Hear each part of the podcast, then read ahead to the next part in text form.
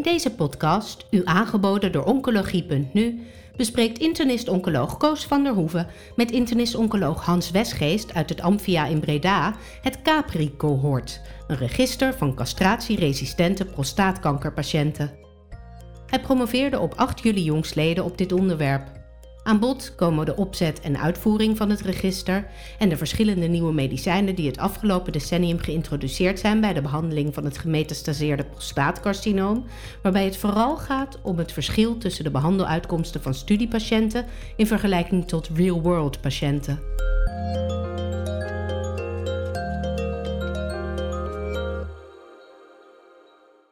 Prostaatkanker. De afgelopen 10, 15 jaar is er heel veel veranderd in de behandeling van met name het gemetastaseerde prostaatkanker. Meer middelen en op verschillende tijdstippen van het ziektebeloop kunnen ze worden ingezet. Maar al die nieuwe behandelingen zijn gestart op basis van fase 3 studies. Hoe is het nou in de real world? Ik ga daarover praten met dokter Hans Westgeest. Hij promoveerde op 8 juli jongsleden op dit onderwerp. Hans, welkom. Dankjewel. Hans, wanneer ben je met het onderzoek begonnen? Ja, dat is al een tijd geleden. Dat moet ergens in 2011 geweest zijn. Um, toen werd ik eh, binnengeroepen uh, in de vuur op de kamer van uh, Wienand Gerritsen, die daar toen hoogleraar oncologie was en zich ook veel met prostaatkanker bezig hield. En dan zat Karin Uil en zij werden mijn twee promotoren. Later is Fons van de Eertweg daar nog bijgekomen. En eigenlijk was dat de bijeenkomst waarin de, ja, in, in potlood uh, uh, zeg maar op een papiertje uh, Capri werd ontworpen. En dat, dat zijn we vanaf dat moment ja, als een veel te groot uit de hand gelopen project gaan uitvoeren. En dat was over erg leuk. Over dat Capri gaan we het dadelijk hebben. Uh, 2011 ja. begonnen, 2022 uh, de promotie klaar. Dan denken sommige mensen vaak van, god, die man die heeft er ook lang over gedaan. Maar is het niet zo dat als je een real world de evidence wil verzamelen, dat het juist ook een voordeel is als je zoveel tijd hebt? Ja, ik dacht toen van, we kunnen wel snel wat, uh, wat data bij elkaar halen en dan, dan volgt er een manuscript. Maar dat valt inderdaad wel tegen. Hè. Sowieso de dataverzameling was, was veel werk. Um, maar ook we zijn wel iets terug gaan kijken. Hè? Dus we begonnen in 2011. Ik denk dat we in 2012 begonnen met de data uh, in, uh, in, de database stoppen. En we keken terug bij patiënten vanaf 2010. maar dan duurt het wel een tijd voordat je follow-up hebt en ook je data goed genoeg zijn. Hè? Als je een afspiegeling wil van de ziekenhuis waarin je, waarin je bezig bent, dan um, dat, dat kost gewoon heel veel tijd. En ja, uiteindelijk hebben we follow-up tot eind 2017 volgehouden. Ja, en dus is het niet betreft... dat de manuscripten daarna pas allemaal gepubliceerd zijn. Dus wat dat betreft is het eigenlijk maar fijn dat het uh, zoveel tijd kon duren. Nog even terug naar je promotie. Hoe was dat? Ja, geweldig. Ik, uh, ik, ik ben weer een beetje terug op aarde. Maar uh, die dag, ja, dat was overweldigend allemaal. Ik vond het erg leuk om de verdediging te doen. Leuke commissie, leuke sfeer was er bij de verdediging. En ehm, ja, we hebben het goed gevierd uh, na afloop. En klopt het dat je vanwege COVID de verdediging virtueel moest doen, online? Dat het geen fysieke nee, was? Ik zou eigenlijk in januari promoveren, um, 14 januari. En op dat moment waren de, de noem je dat, de maatregelen zodanig dat het alleen maar virtueel mocht in het Erasmus. En toen heb ik gezegd, nou, als mijn moeder niet mag komen, dan, dan doen we het niet. Dan stellen we het uit. En, um, en dat is toen meteen met een half jaar uitgesteld, omdat ik ook samen met Malou Kuppen uh, het onderzoek heb gedaan. Zij is drie jaar na mij uh, begonnen bij, uh, bij Capri. En um, zij had inmiddels ook genoeg manuscripten om te promoveren. En toen zeiden we, nou, dan doen we het op één dag. En ja, dus 8 juli was het eerste slot dat er twee plekken vrij waren op een vrijdag. Dat waren onze voorwaarden. Dus het was een onvergetelijke dag. ik ben blij ja. We gaan naar Capri. Waar staat Capri precies voor? Castration Resistant uh, Prostate Cancer Registry. En dan kom je die vijf letters tegen. Um, en um, ja, dat, uh, dat, dat gaat dus over castratieresistente prostaatkankerpatiënten. Ja. ja. Wat was nou eigenlijk de aanleiding om dit te gaan doen? Nou, in, in 2010 uh, zal het geweest zijn ongeveer dat de Tropic Trial gepubliceerd werd. Kort daarop gevolgd door eh, de Cougar Trial met abiraterone. Er kwamen er twee uh, behandelopties uh, na docetaxel beschikbaar.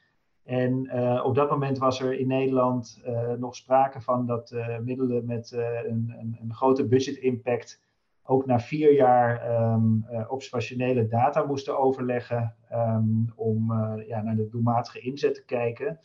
En dat, die verantwoordelijkheid lag bij de farmaceuten die die middelen op de, op de markt brachten. En um, in die kamer waar ik het net over had, daar zaten dus ook uh, afgevaardigden van Sanofi en Janssen. En ja, zo hebben we eigenlijk gezegd, ja, je kan natuurlijk allemaal registers maken voor de afzonderlijke medicijnen. Maar je kan ook zeggen, we maken er een, een ziekteregister van. En we verzamelen al die gegevens plus nog een heleboel meer gegevens uh, in één project. Ja, dus het is eigenlijk een ziekteregister over, uh, over prostaatkanker en dan de, in de gemetastaseerde vorm castratie refractair. En er is een aantal medicamenten onderzocht. Welke medicamenten zijn dat specifiek? Ja, dus die, die noemde ik net al, hè? dus de cabazitaxel en de abiraterone. Ja. Um, en uh, ja, toen kwamen later enzalutamide en radium-223 beschikbaar. Ja. En toen zijn ook uh, de fabrikanten Bayer en Astellas ingestapt. Ja. ja. en wij hebben natuurlijk ook gekeken naar docetaxel. En toen er nieuwe middelen beschikbaar kwamen, hebben we die ook meegenomen. En ook trialbehandelingen hebben we geregistreerd als trialbehandeling. Dus het is um, heel breed. Daarnaast hebben we ook nog alle botgerichte medicatie bestudeerd. Dus Malou heeft vooral uh, naar de radionucleïde en, en ook um, botresorptieremmers gekeken. Het is een registry. En het is een real world registry. In hoeveel ziekenhuizen is het gedaan? Ja, wij hebben toen uh, besloten, eigenlijk omwille van de haalbaarheid van het project, om uh, niet in heel Nederland alle uh, castratieresistente patiënten te includeren, maar een, een, sample van de populatie te nemen. We mikten toen op ongeveer 20% van de populatie. dan kan je gaan rekenen hoeveel do dossiers en patiënten je, je moet bijhouden. Um, en um, ja, we hebben dus in 20 ziekenhuizen uiteindelijk data verzameld. Vier academische ziekenhuizen. Um, uh, een aantal, ik dacht ook vier of vijf algemene ziekenhuizen. En de rest waren STZ-centra. Dus er was wel een oververtegenwoordiging van grote opleidingsziekenhuizen, zou je kunnen zeggen. dus dat kan een bias zijn? Ja. Zitten alle patiënten met een castratie-refractair prostaatcarcinoom in de registry? Of alleen die patiënten die behandeling met een van deze middelen gehad hebben? Nee, dus het, uh, het bijzondere en het, het goede van onze registry is dat we in die 20 ziekenhuizen, die wel ook helemaal over het land verspreid lagen, um, hebben we van zowel de afdelingen urologie als uh, interne oncologie alle patiënten die een diagnosecode prostaatkanker hadden gekregen, dus dat was op basis van de financiële administratie, zeg maar, hè, de DBC-DOT-registratie. Hebben we al die dossiers um, bekeken, handmatig, en gekeken of ze aan onze criteria voor castratieresistente ziekte uh, voldeden. En dat waren in totaal meer dan 41.000 dossiers die wij met een, uh, ja, een hoop hulp van datamanagers hebben, hebben doorgeakkerd. Ja, welke data zijn er verzameld? En um, ja, dus die, die patiënten gingen er allemaal in. Dus dat zijn ook onbehandelde patiënten. We hebben um, uh, een aantal uh, zeg maar belangrijke baseline kenmerken verzameld. Hè. Zijn ze geopereerd of bestraald op de prostaat? Uh, wat was de Gleason score? Wat was, waren de prognostische factoren op het moment van diagnose CRPC? En vervolgens hebben we gekeken naar wat voor behandelingen ze gekregen hebben. Die hebben we, dus alle CRPC, systemische therapie, hebben we vastgelegd. Eh, de botgerichte behandeling hebben we vastgelegd, maar ook bijvoorbeeld radiotherapie. Um, en we hebben naar zorggebruik gekeken. Um, en dat gaat dan uh, over bijvoorbeeld ziekenhuisopnames, uh, eerste hulppresentaties um, en IC-opnames bijvoorbeeld. En ja, dan hebben we natuurlijk gekeken naar uh, wanneer de patiënt overleden was of uh, op welke andere manier het, uh, het, aan het einde van de studie zat. Hè, of ze nog leefden of los de follow-up waren. En we hebben verder ook nog in een, in een soort site-studie, de pro-Capri-studie, hebben we bij een sample weer van de Capri-patiënten ook kwaliteit van levendata verzameld. Dat was een apart project wat ZonMW heeft gefinancierd. Nou, dat is een enorm werk. Wie, wie hebben al die data verzameld? Of kon je gebruik maken van, van systemen waar die data al in zaten? Nee, dus het grote probleem waar wij mee geconfronteerd werden is dat CRPC-patiënten eigenlijk niet ergens klaarstaan Ehm, en de NKR-data zijn ook niet bruikbaar, omdat die alleen bij diagnose kenmerken vastleggen. En natuurlijk de tijd tussen diagnose prostaatkanker en CRPC nogal um, ruim is. Ja. Um, dus wij hebben met uh, ja, eigen datamanagers, uh, die wij zelf uh, trainden en superviseerden. en Malou en ik hebben zelf ook veel van het werk gedaan. Hebben wij ja, die dossiers doorgeakkerd en in een, in een centrale database gestopt. Nou, alleen dat werk is denk ik al een pluim waard. Als we nou eens naar de uitkomsten gaan kijken. Eh, is het dan voor je te doen om voor die verschillende middelen iets te zeggen? Want je wil eigenlijk graag weten hoe verhoudt nou de, de uitkomsten van behandeling in de real world zich met de uitkomsten uit de fase 3-studies? Ja, um, ik denk dat we dat um, het meest gedetailleerd hebben bestudeerd voor Cabazitaxel. Ja. En waarom? Omdat um, Cabazitaxel in de periode dat wij uh, Capri deden, daar liepen er verschillende uh, studies met Cabazitaxel in het land. En als je dan kijkt naar de patiënten die echt uh, als tweede lijn, dus direct opvolgend op docetaxel kregen, dat was een, een groep van zo'n 175 patiënten, waarvan ruim een derde in studies is behandeld. En dan moet je denken aan bijvoorbeeld de Procelica-studie en de Cabaresque-studie. Ehm, en die criteria om aan die studies mee te mogen doen, die waren uh, toch wel belangrijk overlappend met de TROPIC-criteria. Dus je zou kunnen zeggen, de patiënten die in, aan die studies meededen, uh, die waren goed vergelijkbaar met de patiënten die anders aan de TROPIC mee hadden gedaan. Ja. Um, en de rest die werd behandeld met uh, gewoon volgens standard of care. Ja. En die twee groepen die hebben we vergeleken en dan zie je dat de uitkomsten maar ook de, de, de, de, de baseline kenmerken van die patiënten in de studies uh, met Cabazitaxel uh, heel erg vergelijkbaar zijn met Tropic kenmerken en uitkomsten. De survival die in de Tropic was geloof ik 15,1 maanden en, en bij ons in die studiegroep 13,6 maanden daaromtrent. maar de patiënten die niet in, in die studies meededen, die hadden slechtere kenmerken op baseline. Dat kennen we natuurlijk ook wel hè, als, als oncologen, dat uh, die criteria van studies toch een beetje de wat betere patiënten uitselecteren. Um, en die hadden ook een, uh, uh, een minder goede overleving. Dat lag op dik negen maanden. Ja. En um, ja, dat ik denk, dat hebben we natuurlijk niet zo onderzocht voor de andere behandelingen. En, en soms wel naar gekeken, maar niet gepubliceerd allemaal. Uh, maar ik denk wel dat je in algemene zin kan zeggen dat het zo ongeveer is voor, voor de meeste behandelingen in de oncologie. Dat je in studies vaak toch de wat betere patiënten, fitter, met betere prognostische kenmerken ook, um, selecteert. En dat de, uh, de, de uitkomsten als overleving uh, ook beter zijn dan, dan in de dagelijkse praktijk. Deze middelen die zijn ja, in de, de afgelopen 15 jaar eigenlijk allemaal hebben die registratie gekregen heb je nou kunnen zien dat in de verschillende ziekenhuizen dat uh, op een verschillende manier geïntroduceerd is? Dat het bij het ene ziekenhuis wat langer geduurd heeft dan in het andere? Of dat er een grote praktijkvariatie is in het gebruik van deze middelen?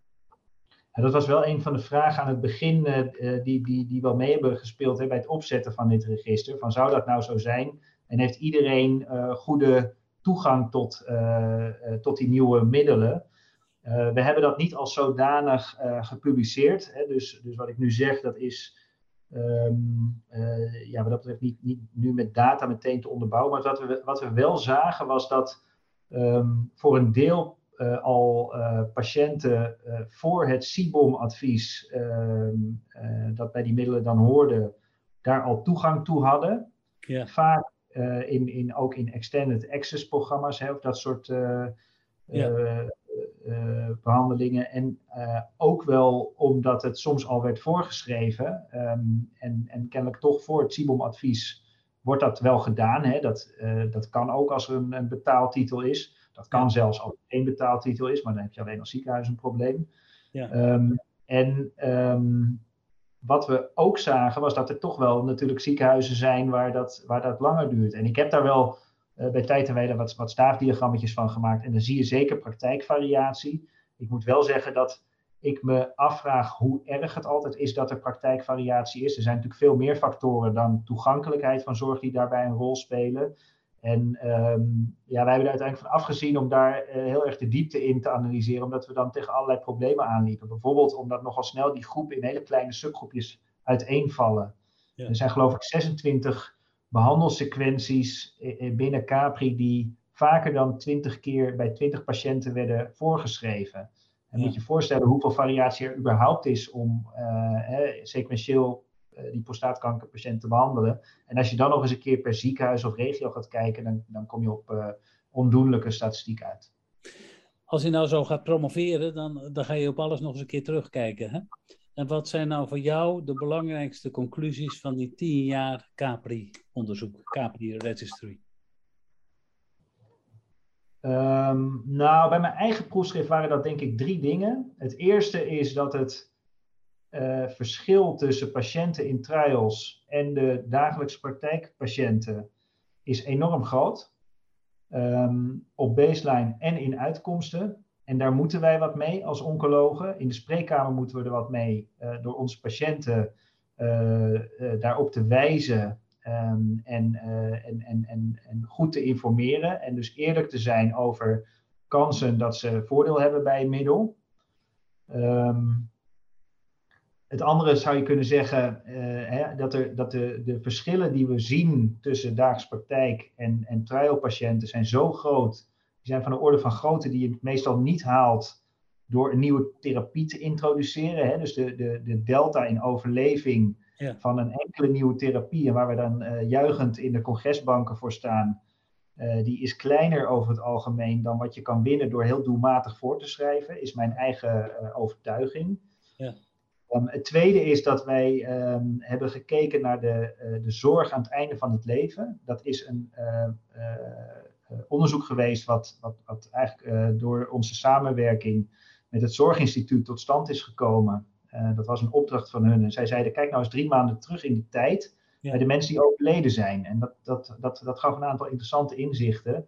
Uh, 41% van de patiënten die overleden in ons register, die had in de laatste drie maanden hoogintensieve zorg nodig. En dat is uh, onwenselijke zorg, dat is dure zorg. Hè. Dan praat je over intensive care opnames, overlijden in het ziekenhuis, meer dan 14 dagen opgenomen zijn in die laatste drie maanden. Of bijvoorbeeld nog een nieuwe dure geneesmiddel starten. Hè, wat, terwijl iemand dus binnen drie maanden dan uiteindelijk overleden blijkt. Uh, dat is uh, dure zorg, dat is voor een patiënt zorg die, die, die, die de kwaliteit van leven en overlijden zou kunnen verminderen. En die moeten we dus vermijden. Um, nou is het natuurlijk heel moeilijk om in de toekomst te kijken of een patiënt over drie maanden dood is. Um, maar ik vind dat wel echt een, een, een plicht van uh, ons als oncologen, hè, voor patiënten, maar ook voor de maatschappij, om hier, hier heel kritisch op te zijn. En bijvoorbeeld in Amphia hebben we dashboards gebouwd voor alle tumortypes, waarin we dit nou structureel monitoren en daarover in de tumorteams met elkaar in discussie gaan. Ja. En het laatste wat ik ja. wil noemen is dat. Nog, ik wil nog, nog, nog even hierop uh, doorgaan. Ja. Want um, heb je nou zelf idee hoe je die 41% of misschien een deel daarvan gemakkelijk zou kunnen identificeren? Uh, nou, het identificeren is helemaal niet moeilijk. Hè? Dus er is zo'n ja, dashboard. Vooraf, vooraf. Uh, nou ja, wat je, eh, dat, dat, uh, ik denk in ieder geval dat je afspraken kan maken met patiënten over hoe die zorg in de laatste fase zou, zou kunnen. En bijvoorbeeld dat je het ziekenhuis wil vermijden. Hè? Dus je kan gewoon met elkaar in gesprek gaan.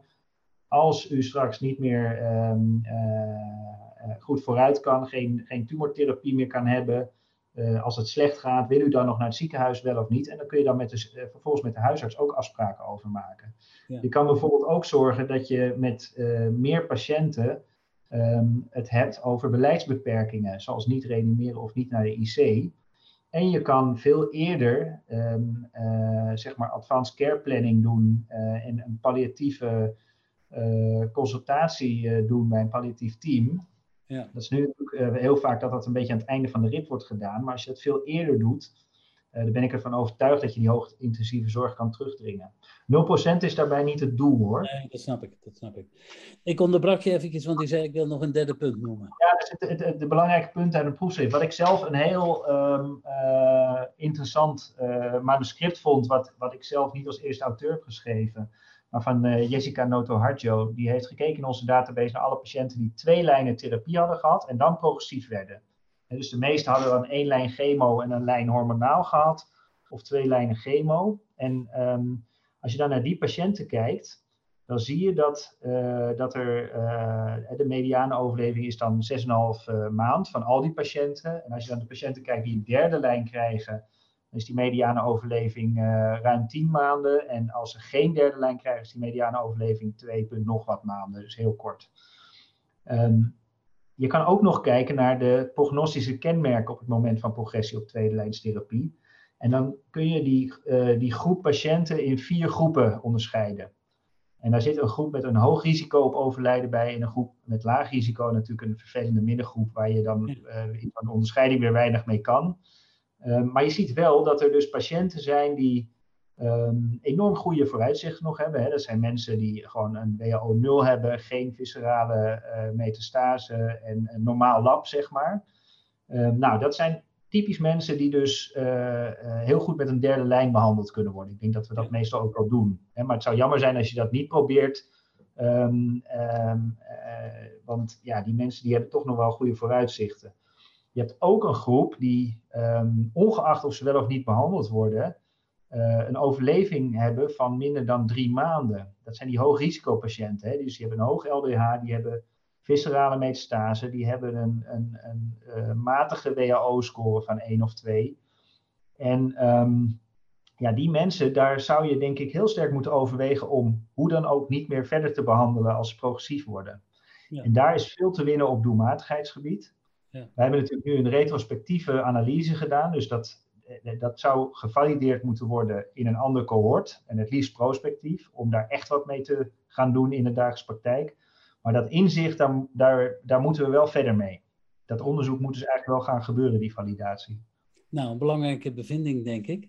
Um, Zo'n zo registry die kan ook heel goed bijdragen aan het verhogen van de kwaliteit van zorg in de deelnemende ziekenhuizen. Heb je het idee dat dat ook gebeurd is? Dat de terug, terugkoppeling van de resultaten plaatsvond? Ja, dat hebben we te weinig gedaan. Um, we hebben inmiddels is, uh, wordt Capri voortgezet onder leiding van Inge van Oort uit het Radboud ziekenhuis en Dianne Bos als promovendus. En een van de speerpunten van uh, de voortzetting van Capri is wel om die terugkoppeling uh, nadrukkelijk te gaan doen. Wij zijn natuurlijk begonnen als register met voornamelijk als doel om te kijken naar de doelmatige inzet van die medicatie.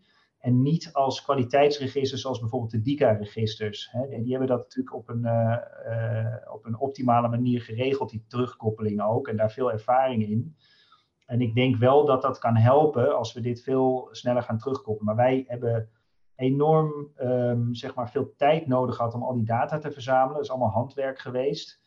Waardoor je dus altijd heel laat. We hebben eigenlijk maar twee keer een dataset gehad waar we wat mee konden, halverwege en aan het einde. Ja. Uh, en dan kun je die terugkoppeling, ja, die komt dan eigenlijk veel te laat. En, uh, uh, dus dat is iets voor, voor het vervolg om dat wel te gaan doen. Die terugkoppeling die noem je. Zijn er nog andere dingen uit de Capri-studie die als je die nu opnieuw zou mogen doen, je anders zou doen? Roos, het is afschuwelijk om het zo te doen zoals wij hebben gedaan. Al dat handwerk en... Uh, dus dus uh, nu uh, moet dat natuurlijk digitaal. Hè? We moeten dat met, met, met zeg maar artificial intelligence, die patiënten identificeren en data in een database krijgen. Dat, dat kan tegenwoordig al een soort van semi-automatisch. Um, dus dat gebeurt ook in Capri 3. Want dat handwerk, dat moeten we nooit meer iemand aandoen. Um, Even een ander punt. Ja. Je hebt nu natuurlijk je heel erg gefocust op al die behandelingsmogelijkheden die er zijn. En je zegt ook in volgorde zijn die op een heleboel verschillende manieren zijn die toegepast. Uh, vind je nou dat er mogelijkheden zijn om aan het begin van de castratie-refractaire ziekte patiënten beter te stratificeren voor de meest optimale behandeling?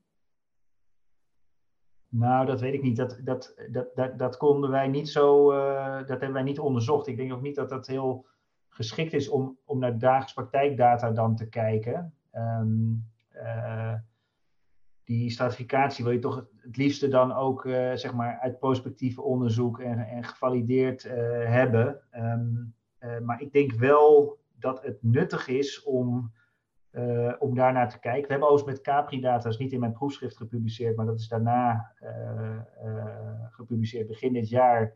We hebben ook gepoogd een ziektemodel te ontwikkelen. En dus dat je op basis van de gegevens die je hebt, gaat modelleren en dan stukjes uit dat model andere parameters kan, kan invoeren. Hè? Dus dat je nieuwe behandelingen kan meemodelleren en dat je bijvoorbeeld ook kan modelleren wat gebeurt er als ik een bepaalde volgorde dominant maakt in, in plaats van een andere volgorde. Het bleek wel in dat model heel erg moeilijk om, om dat uh, voor elkaar te krijgen. En uh, dat is niet goed gelukt op basis van de retrospectieve Capri-data. En dat heeft ermee te maken dat uh, als je terugkijkt um, en je kijkt ook naar de momenten dat nieuwe behandelingen beschikbaar komen, dat, dat vertekent wel het beeld van die behandelingen. Hè. Je moet je voorstellen, wij hebben tussen 2010 en 2018 data verzameld. En op bepaalde punten kwamen er extra behandelingen. En die, dat betekent meteen dat er allerlei mensen die eerst het een kregen, krijgen dan iets anders, omdat er iets anders beschikbaar is. En dat levert vervelende uh, complicaties op in zo'n model, waardoor die, die uitkomsten niet goed passen als je dat uh, met de geobserveerde data vergelijkt. Maar ik denk wel dat het iets is op het moment dat je um, data verzamelt en voor ve veel meer patiënten en uh, veel meer zeg maar real-time dat dat soort problemen overkomen worden en dat het dan wel mogelijk is om zo'n model te maken. En ja, ik denk dat dat enorm kan helpen uh, ons als, als dokters om naar uh, ja, toch een soort van voorkeursstrategieën te komen. Ja, en dat gebeurt natuurlijk in een, in een tijdsgevricht waarin we ook ontzettend veel aan het leren zijn over moleculaire veranderingen en daarop onze behandelingen kunnen gaan, uh, gaan richten. Hans, je hebt uh, met je proefschriften, met het hele Capri-onderzoek, met je hele groep, hebben jullie heel veel data verzameld en heel veel aan de literatuur uh, toevertrouwd. Uh, je maakt de indruk goed in je veld te zitten in het Amphia, klopt dat? Ja, dat klopt wel. ja. En hoe komt dat? Nou ja, weet je, hier um, ik, ik, ik doe hier wat ik leuk vind en ik krijg hier heel veel ruimte om, uh, om mezelf te ontwikkelen. Ik denk misschien dat dat een belangrijke factor is. Ja, ja. Um, Hans, bij, bij de promotie word je door de pedel afgekapt. En ik wil je hier de gelegenheid geven om nog het laatste woord te voeren. Ja, dat kreeg ik daar niet, dat klopt. Nou, ik vind, ik, ik, ik, ik vind het uh, belangrijk dat we observationeel onderzoek blijven doen. En ik vind het heel erg jammer dat dat dat eigenlijk niet veel meer ondersteund wordt door andere belanghebbenden, uh, zoals met name de overheid en zorgverzekeraars. Wij hebben ontzettend veel moeite gehad om dit onderzoek uit te voeren. En dat komt natuurlijk door de middelen die je hebt om dat onderzoek te doen. Ja. Wij hebben nu voor een belangrijk deel op de farmaceutische bijdrage ge, uh, gewerkt, 80% ongeveer. En ik vind echt dat we moeten zorgen dat dit soort onderzoeken um, uh, kunnen plaatsvinden en op een veel betere manier. En, uh, en dat, die, uh, dat die belangen ook tot uitdrukking moeten komen in de, in de financiële bijdragen die geleverd moeten worden. Ik vind het heel raar dat verzekeraars en, en de overheid dure behandelingen faciliteren met een enorme budget impact en dat er dan geen geld over is om te kijken naar hoe die behandelingen vervolgens presteren. Nou, ik denk dat dat een mooie oproep is. Uh, ik wil je danken voor dit gesprek. Graag gedaan. Bent u geïnteresseerd in meer podcasts? Deze zijn te vinden op de website www.oncologie.nu. Heeft u zelf een onderwerp of onderzoek dat besproken kan worden in een podcast? Mail het naar info.uitgeverij-jaap.nl